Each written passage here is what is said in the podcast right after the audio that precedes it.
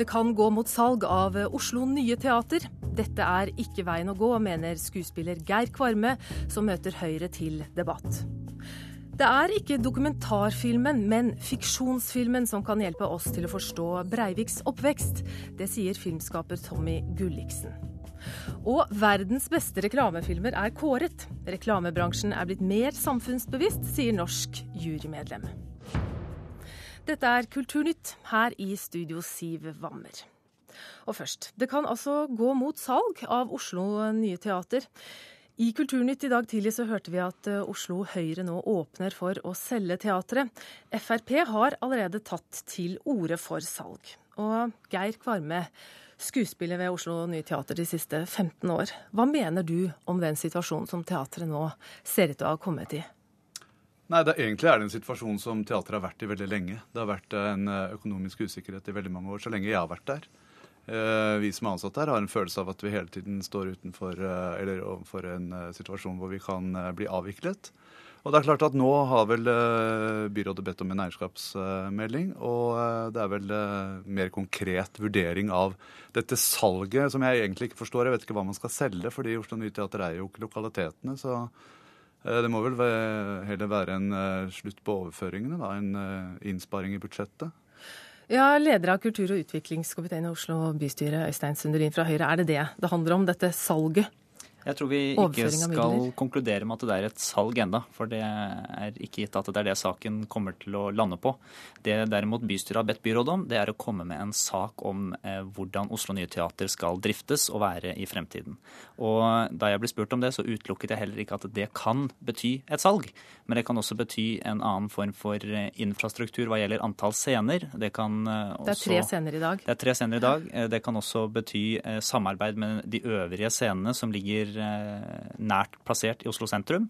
Eh, så det, er mange andre løsninger enn salg. Men jeg skjønner at salg høres kanskje mest skremmende ut, eller mest dramatisk ut sånn eh, når man tabloidiserer det. Men det tror jeg vi skal avvente og se når diskusjonen kommer til høsten. Ja, men hva, Hvilke faktorer da ville eventuelt avgjort et salg? For det, er jo disse ordene som blir brukt. Dere er åpne for salg? Ja, altså Det som er eh, utfordringen vår, det er at vi eh, har en enorm befolkningsvekst i Oslo. Og den befolkningsveksten gjør at vi har mange store investeringer innenfor skole, samferdsel, barnehage, sykehjem osv. Eh, når vi har så store investeringer og må ta så store låneopptak, så er det et spørsmål kan vi bruke over 80 millioner kroner i året på å subsidiere et eh, Oslo-teater. Eh, all den tid vi har både Norske Teatret, Folketeatret, Nationaltheatret eh, med flere i sentrum av Oslo. Og Det er en avveining vi som politikere er nødt til eh, å ta. Og det er av og til veldig vondt og vanskelig, men det er litt av jobben vi har blitt pålagt. Ja, hvorfor må vi ha Oslo mye? Ja, Der tenker jeg man er inne ved kjernen av dette, hva dette handler om. fordi at Oslo, Oslo by har jo på en måte et stort teatertilbud som staten tar et eierskap for, med Nationaltheatret og Norske Teater. Jeg syns det er veldig synd hvis vi ikke klarer å appellere til Oslo kommune om å se verdien i det potensialet som ligger i Oslo Nye Teater. Det står tre scenehus eh, som finnes i dag, og det er et enormt potensial for at Oslo Nye Teater kan være et annerledes teater enn det Nationaltheatret og Det Norske Teatret er. F.eks. kunne Oslo Nye Teater være et sted hvor man satset på teater for ungdom. Det å treffe et publikum i alderen mellom eh, 14 og 20 år. Det er et sted hvor mennesket utvikler seg, hvor det er mottagelig for inntrykk.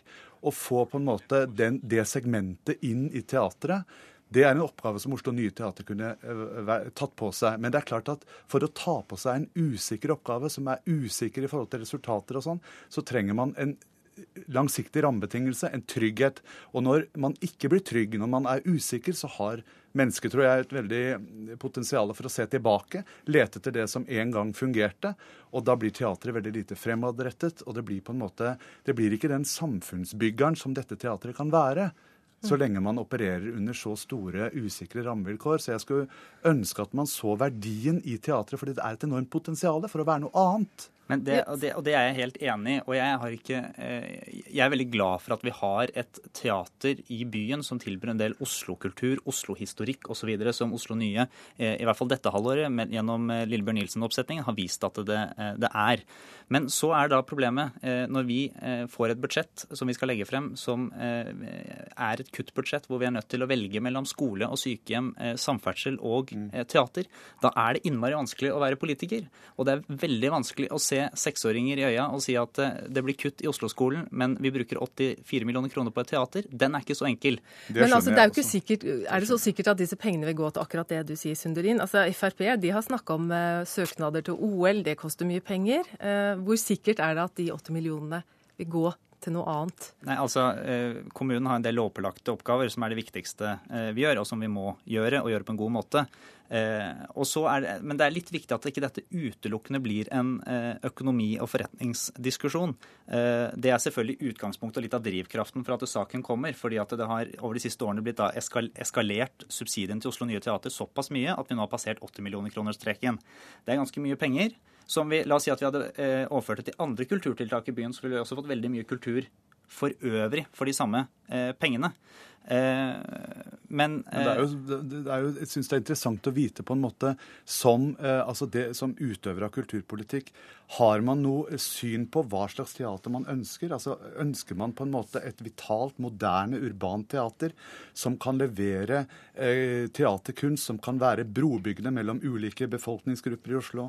Altså som kan ta på en måte pulsen på det å leve i en storby, som kan være en veldig eh, sentral samfunnsaktør og, og samfunnsbygger, så har man jo en unik mulighet til å skaffe seg på en måte et solid og et stolt eierskap til et vitalt teater som representerer noe annet enn det de andre Ja, Hva slags teater vil dere ha, Sundelin? Og Det tror jeg er en debatt som vil komme i forbindelse med Oslo Nye Teatersaken, som eh, jeg tror vil være en vekker både for teaterpublikummet eh, og andre deltakere i teatersfæren. Men spørsmålet er eh, hva vil, hva vil vi ha? Og der kan vi sikkert komme ganske mange svar på hva vi vil ha i et teater. Så er spørsmålet har vi de 84 millioner kronene å bruke på det årlig? Og det vil være da en, den vanskelige avveiningen er. Du nevnte i morges et, et, tak. Altså, kan vi sette et tak på hvor mye vi kan gi? Har, har du det taket klart? Nei, det er, det er umulig å si. Men eh, nå har det vært eh, en historikk de siste årene hvor dette har økt og økt og økt. Eh, og som Kvarme også er inne på, med den samme usikkerheten for Oslo Nye Teater som for alle andre som mottar penger fra kommunen, fordi vi har årlige budsjetter og ikke lengre budsjettperioder enn det. Eh, så vil det oppfattes som, eh, som, usikkert.